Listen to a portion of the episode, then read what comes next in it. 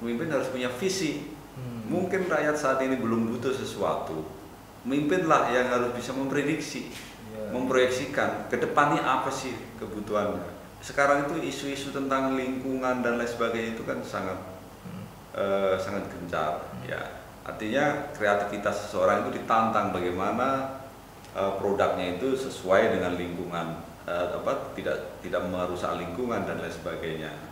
Eh, kinerja saja sekarang tidak cukup, Betul. tapi harus diikuti dengan kreativitas. Hmm. Perlu juga fasilitasi karena jangan-jangan mereka membuat merek sendiri itu untuk didaftarkan sebagai hak cipta mungkin mahal dan sebagainya. Sebenarnya pemerintah bisa masuk memfasilitasi.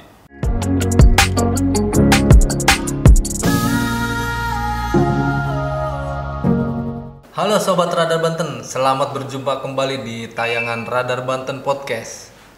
Kali ini sudah berada bersama saya. Beliau sebenarnya Kepala Dinas Kepegawaian Provinsi Banten. Tapi dalam keseharian beliau juga cukup aktif banyak berkegiatan di masyarakat terutama di wilayah domisilinya yakni di Kabupaten Tangerang. Perbincangan kita akan banyak yang dibahas, tentunya bukan seputar pekerjaan beliau sebagai kepala dinas.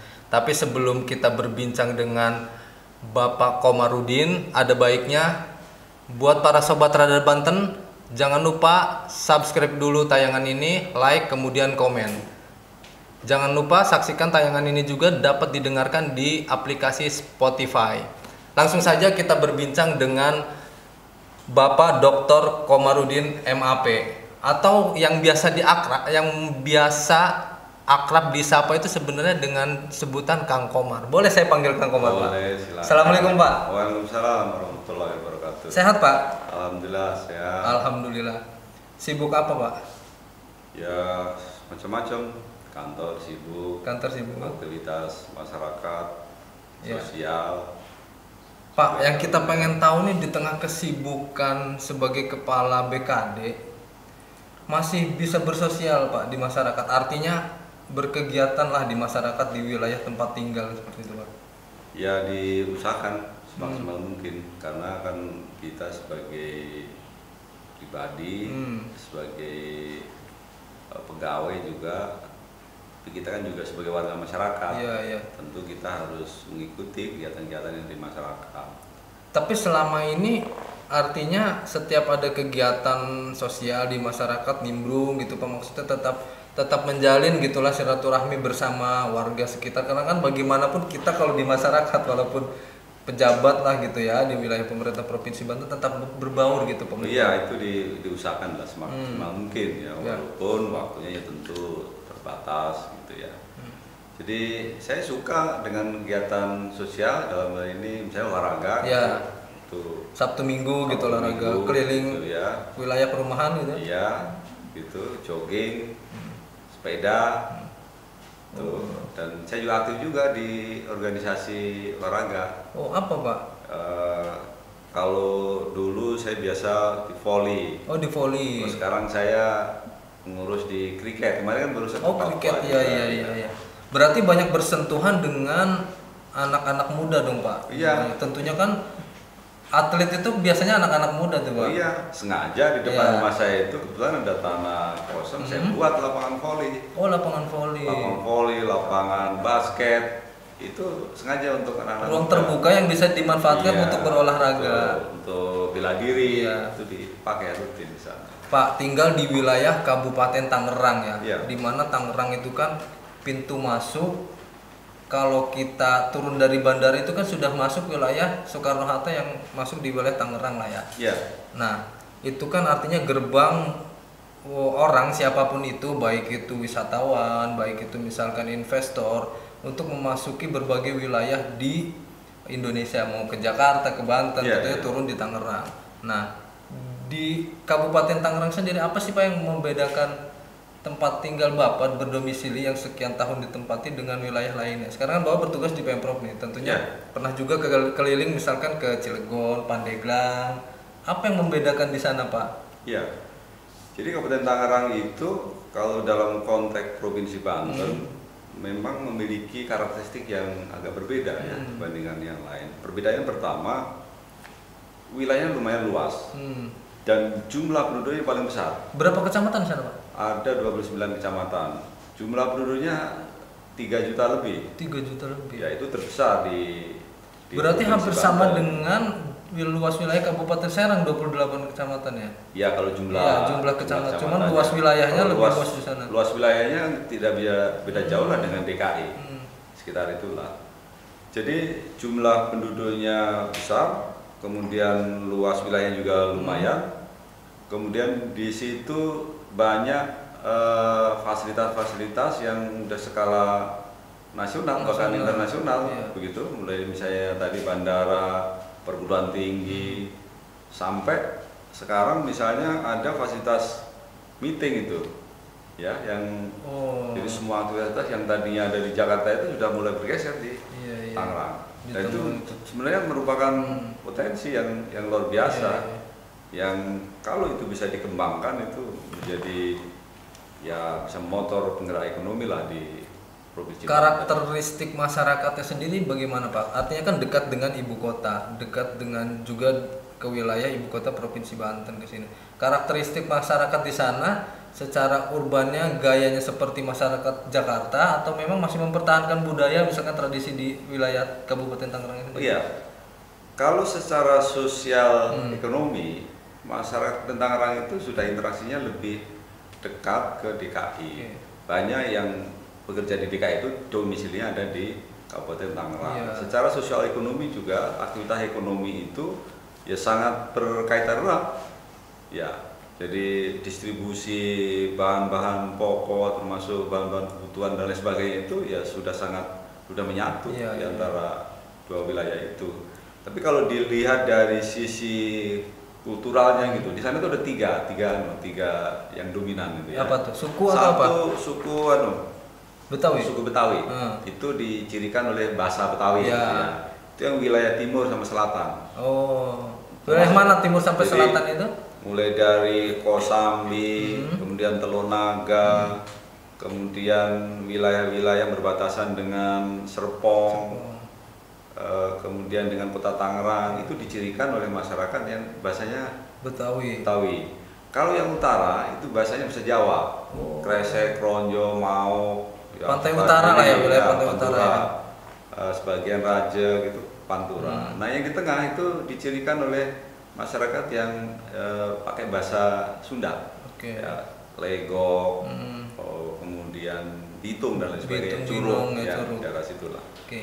Tapi kalau dari sisi eh, karakteristik penduduk, sangat heterogen sekali. Mungkin di Talase Iya. masyarakat Indonesia Semua ada di sana di ya. Tangerang.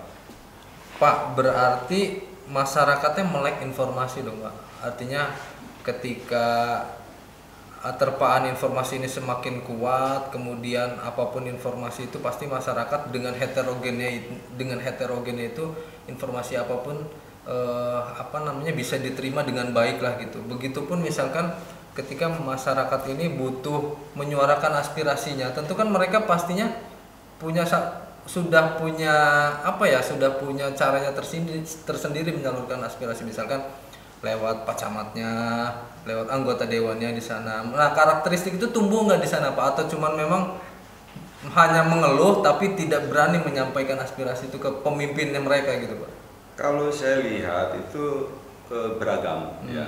Kalau masyarakat-masyarakat yang mereka cenderung sebagai pendatang yang tinggal-tinggal di perumahan gitu ya.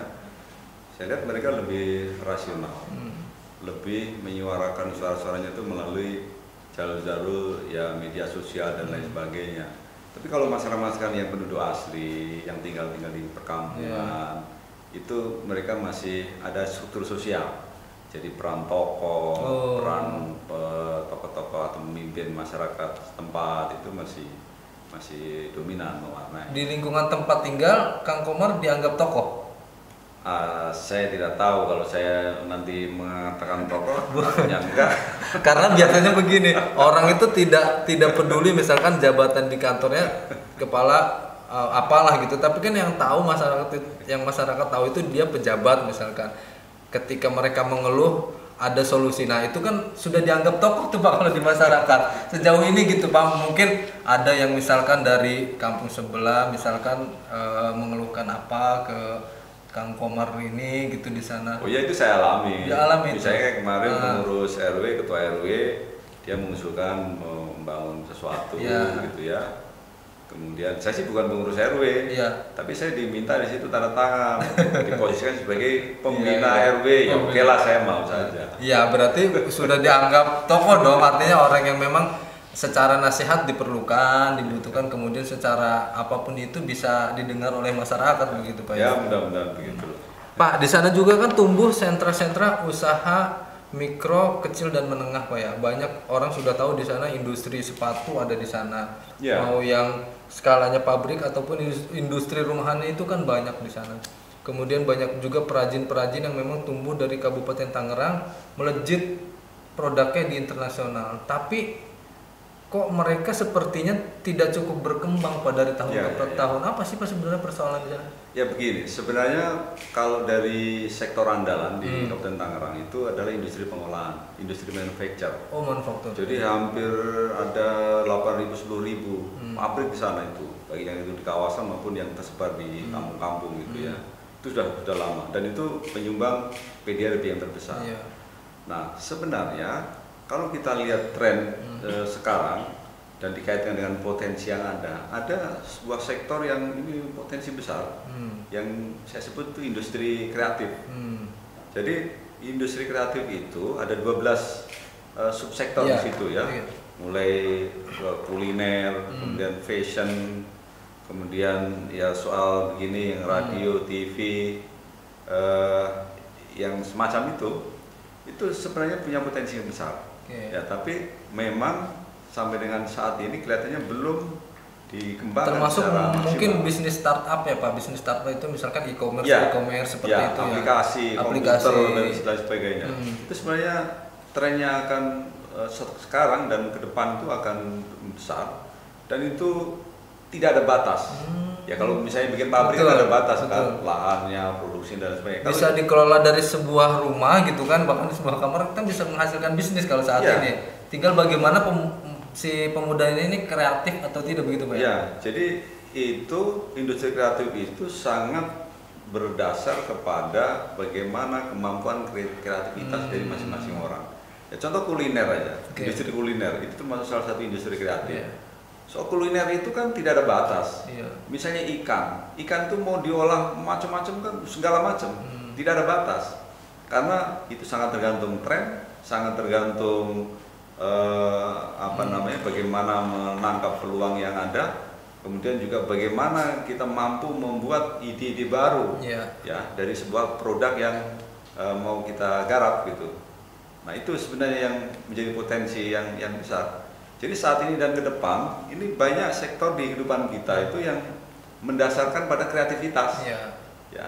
Jadi eh, kinerja saja sekarang tidak cukup, Betul. tapi harus diikuti dengan kreativitas. Hmm. Karena dengan kreativitas itulah muncul inovasi-inovasi baru, ya, muncul eh, apa namanya potensi-potensi baru yang itu bisa menyelesaikan kehidupan di masyarakat sesuai Ya, dengan ya. yang tren yang ada. Berarti sebenarnya nggak ada lagi tuh Pak alasan misalkan karena kondisi pandemi misal atau karena keadaan sekarang sulit cari kerja sebenarnya nggak ada lagi ya Pak. Tidak ya? ada keadaan apa pun Iya. kalau kita kreatif justru Hmm. keadaan yang yang berubah, Iya. yang menantang dan sebagainya Hmm. itu itu adalah potensi. Potensi dan harus dijadikan tantangan ya Pak ya. Contohnya pandemi. Begitu Hmm. pandemi kan orang pengen makan. Iya. Yang yang tadinya tradisional harus datang ke tempat, Iya. tapi yang gimana caranya bisa dikirim. Iya. Sudah ada depan pintu lah gitu Ya. ya.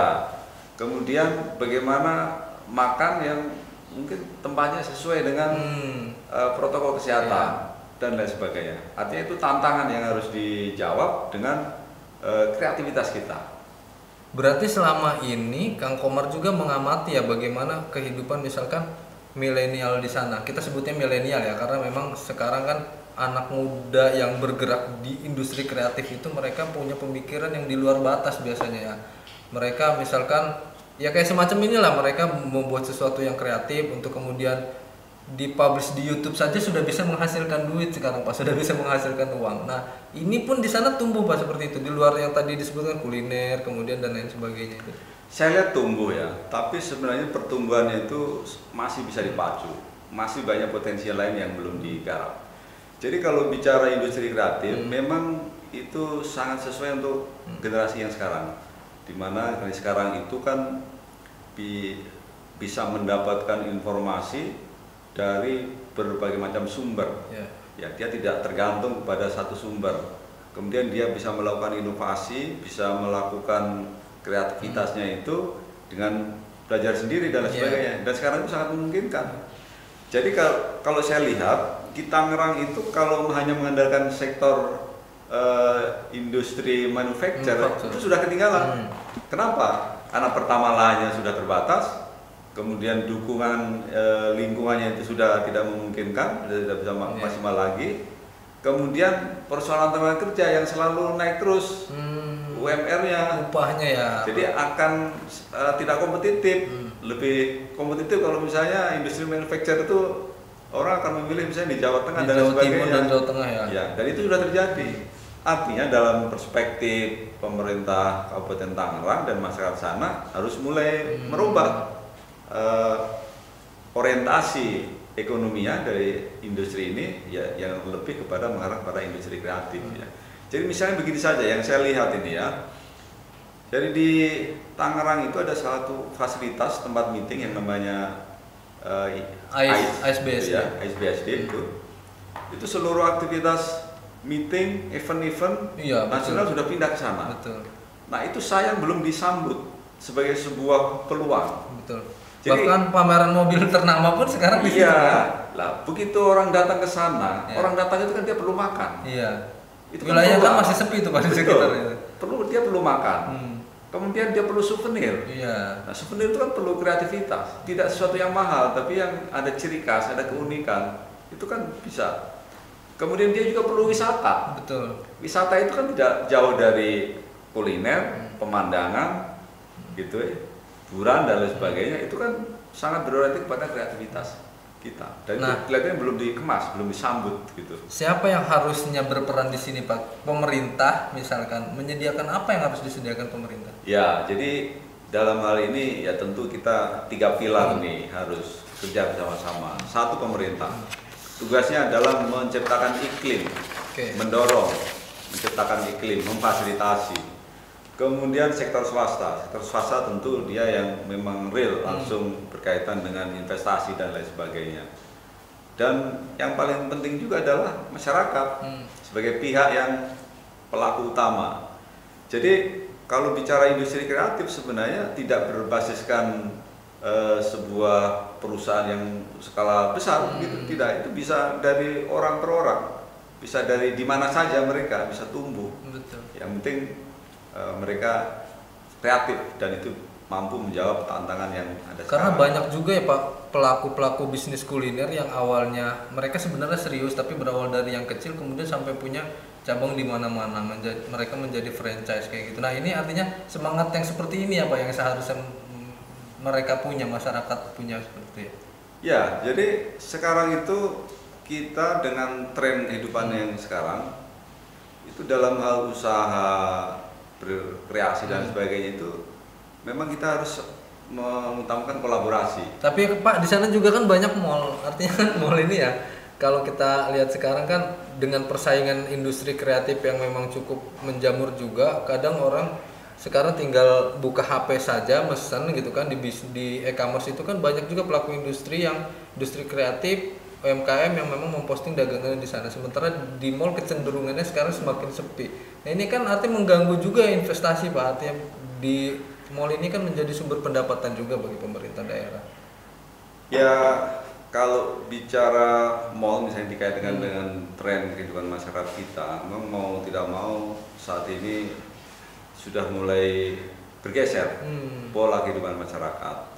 Jadi orang sekarang bisa belanja dari rumah masing-masing, Hmm. apalagi dengan adanya pandemi, ada Iya. batasan sana sini, ada protokol sana sini harus diikuti.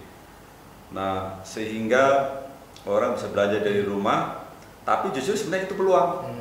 peluang bagi masyarakat untuk membuat produk-produk yang sesuai yang dibutuhkan oleh masyarakat dan itu bisa dipasarkan dari rumah masing-masing. Artinya begitu tumbuh atau menurunnya pertumbuhan mall, tapi di sisi lain permintaan terhadap produk-produk Iya, yang betul. berbasis eh, kreativitas masyarakat itu justru semakin meningkat. Hmm. Jadi tidak perlu investasi besar-besar. Yang penting dia punya kreativitas, Iya. bisa mengcreate sebuah produk ya yang inovatif dan itu bisa dipasarkan di mana-mana. Iya. Tidak harus di mall. Iya, iya. Dan itu terbukti efisien, punya daya saing. Karena kalau di rumah kan tidak perlu tenaga kerja, tidak perlu sewa tempat dan lain sebagainya. Sekarang misalnya makan di mall dengan Hmm. makan di luar, apa sih bedanya? Yang membedakan kok harganya itu begitu jauh? Pajak karena pajak kita duduk berlama-lama di situ. Tidak hanya pajak sebenarnya. Kenyamanan juga. Yang membedakan itu sebenarnya yang jaga, Nah, terus sewa tempatnya, itu yang membedakan. iya. Jadi harganya itu begitu mahal bedanya itu sebenarnya hanya soal tempat. Kalau soal harga dari produknya itu sebenarnya nggak beda jauh. Hmm, iya. Tuh, artinya kalau dengan tren sekarang bisa memasarkan produknya di luar, justru itu memiliki daya saing dari si harga Iya. ya, tanpa di mall. Pak, pemerintah pusat pun melalui Kementerian Pariwisata dan Ekonomi Kreatif bahkan Pak Jokowi itu kan sampai punya kementerian yang memang di belakangnya ada embel-embel ekonomi kreatif. Artinya pemerintah pusat pun sudah mempunyai apa ya? Sudah mempunyai perkiraan bahwa industri kreatif ini bakal tumbuh menjamur. Program-program yang memang menggandeng pelaku bisnis UKM ini semakin gencar nih dilakukan oleh Pak eh, Sandiaga Uno. Nah, masyarakat sendiri apakah bisa gitu Pak misalkan menggandeng Kementerian Ekonomi dan eh, Pariwisata dan Ekonomi Kreatif untuk menciptakan apa ya? semacam sebuah kelompok gitu kan yang pada akhirnya Banten pada umumnya ataupun Kabupaten Tangerang pada umumnya bisa dikenal oleh masyarakat. Ya, memang industri kreatif kalau dari perspektif ekonomi itu memiliki potensi yang luar biasa. Ya. Artinya tren tumbuhnya ke depan itu sangat sangat besar. Dan kelebihannya yang kedua, industri kreatif itu tidak perlu investasi yang besar-besar. Beda misalnya pabrik, Iya. itu kan perlu investasi. Kalau industri kreatif tidak. Bahkan bisa nyaris bisa sangat ditekan Hmm. investasinya karena sangat bertumpu kepada kreativitas. SDM bisa seseorang. ditekan, jumlah karyawan atau apa ya kalau Iya. industri besar pabrik itu kan membutuhkan industri padat karya begitu Pak ya. Iya iya. iya. Jadi sangat bertumbuh kepada kreativitasnya. Dan yang penting lagi kalau industri kreatif itu kan sekarang itu isu-isu tentang lingkungan dan lain sebagainya itu kan sangat Hmm. eh, sangat gencar ya. Artinya kreativitas seseorang itu ditantang bagaimana eh, produknya itu sesuai dengan lingkungan eh, apa tidak tidak merusak lingkungan dan lain sebagainya. Dan itulah potensinya yang Iya, iya. yang kita bisa berharap besar dari sana. Pak di Kabupaten Tangerang itu ada satu wilayah memang sentra tadi kita sudah singgung di awal sentra usaha sepatu ya Pak. Dia bisa bikin sepatu yang Yang mirip, mirip. ya Nah, tapi kan justru orang tuh lebih banyak membeli di sana gitu Pak. Apakah sebaiknya pakai merek sendiri atau tetap gitu Pak? Ya, ini yang menurut saya ada sesuatu yang kita apresiasi. Iya. Tapi di sisi lain memang harus ada sesuatu yang dilurus perlu diluruskan ini. Diluruskannya? Jadi begini, eh, kemampuan mereka untuk membuat produk yang yang sekelas dengan produk-produk yang brand internasional gitu sebenarnya sudah sudah mampu. Dan ya. secara kualitas itu bagus, Pak. Ya, nah, cuman sayangnya pemahaman terhadap bagaimana eh, menghargai hak cipta, bagaimana membuat brand Hmm. yang itu bisa bermanfaat ke depan, itu yang kelihatannya belum. Iya. Ya. Padahal misalnya mereka mampu membuat sebuah produk sepatu yang mirip brand internasional, ya, kemudian dinamai brand Iya. brand orang lain itu, itu kan secara legal itu tidak tidak legal, Iya. ya. Dan secara brand untuk membranding produknya itu merugikan. Hmm. Ya kualitasnya sudah bagus, tapi kenapa harus menggunakan merek orang lain? Bayangkan kalau itu menggunakan merek kita sendiri. Hmm. Itu kan persoalan pemahaman Ya. yang pertama. Yang kedua persoalan tidak pede kita. Iya. Kenapa kita tidak pede? Wong barangnya sudah berkualitas. kok. Hmm. Jadi Atau- itu menurut saya itu peran pemerintah mungkin yang perlu didorong bagaimana mensupport mereka, memfasilitasi mereka supaya produk-produk mereka itu di branding, Ya. ya, kemudian di, dikemas, difasilitasi pemasarannya, sentranya dan lain sebagainya sehingga eh, ke depan kalau sudah punya brand itu ya brand itu punya harga Betul, saya sepakat Pak yang disebutkan tadi Kang Komar bahwa urusan pemerintah. Karena begini, kalau kita melihat industri kreatif di Bandung, mereka misalkan taruhlah usaha sepatu, mereka akan dengan sangat percaya diri pakai brand mereka sendiri, dipasarkan dengan cara mereka sendiri ke komunitas-komunitas sehingga bukan tidak sedikit ya banyak gitulah yang brand-brand lokal itu yang memang mendunia berawal dari kepercayaan diri tadi Iya. menjual brand mereka Betul. sendiri kemudian secara kualitas mereka pun terus memperbaiki diri gitu pak nah ini yang mungkin perlu sentuhan pemerintah ya pak ya untuk Ya. membina para pelaku seperti ini ya itulah perlu pemahaman Hmm.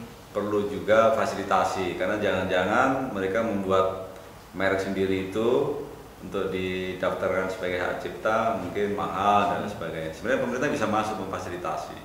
Ya. Misalnya menganggarkan kalau untuk eh, pendaftaran hak cipta untuk mengurus merek itu difasilitasi oleh pemerintah itu kan bagus kalau bisa begitu. Iya iya. Ha- seharusnya peran pemuda sendiri mereka proaktif atau menunggu dari kan kalau misalkan mengandalkan pemerintah barang sudah barang tentu misalkan harus mengandalkan program program yang memang bersentuhan langsung dengan para pelaku industri. Nah peran pemudanya sendiri kalau Kang Komar punya apa ya punya keinginan gitu misalkan harusnya digandeng nih gitu kan bentuk komunitas dulu baru bisa dilirik oleh pemerintah seperti itu. Ya ini harus sama-sama, tidak bisa saling menunggu.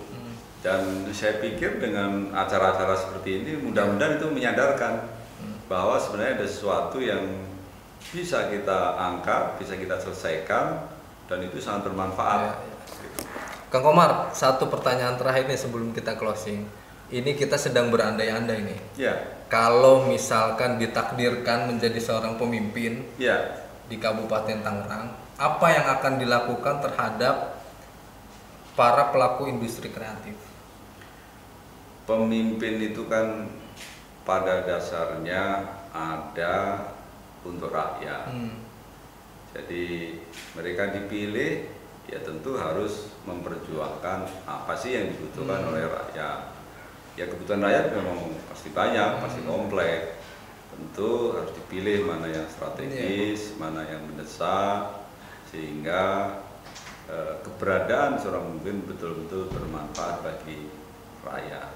Iya, berarti Begitu. pemimpin yang baik itu hadir saat dibutuhkan begitu. Ya, walaupun tidak dibutuhkan, ya pemimpin harus memikirkan Hmm. karena pemimpin harus punya visi. Hmm. Mungkin rakyat saat ini belum butuh sesuatu, pemimpinlah yang harus bisa memprediksi, Ya. memproyeksikan ke depannya apa sih kebutuhannya, Yang sehingga dibutuhkan masyarakat saya gitu ya. betul. Iya. Dan salah satu dari pemimpin ya memang harus punya visi, akan dibawa ke mana masyarakat itu. luar biasa sekali visi misi yang memang keinginan yang sepertinya dari lubuk hati yang paling dalam dari seorang Kang Kobar. Terima kasih kebersamaan kita sudah hampir setengah jam lebih. Semoga obrolan kita ini mampu di, bukan hanya didengar ya, mampu dapat disimak oleh para pelaku industri kreatif. Kemudian pemerintah pun mampu lebih baik lagi melakukan pembinaan terhadap eh, apa mereka para pelaku. Kemudian hasilnya dapat dinikmati oleh masyarakat banyak. Pak, satu kata Amin. terakhir bagi para pelaku industri kreatif untuk memotivasi mereka, Pak. silakan tetap berkarya, berkreasi, dan selalu menjaga kualitas sehingga bisa bersaing baik lokal, nasional sampai dengan internasional. Selamat berkarya. Oke, terima kasih luar biasa sekali Kang Komar. Sobat podcast, podcast Radar Banten, demikian akhir kebersamaan eh, saya Aditya Ramadan dengan Kang Komar. Sampai jumpa di lain kesempatan. Eh, jangan lupa saksikan tayangan eh, podcast kita ini di Radar Banten Official, kemudian bisa juga didengarkan di aplikasi Spotify. Terima kasih, saya undur diri. Wassalamualaikum warahmatullahi wabarakatuh. Waalaikumsalam.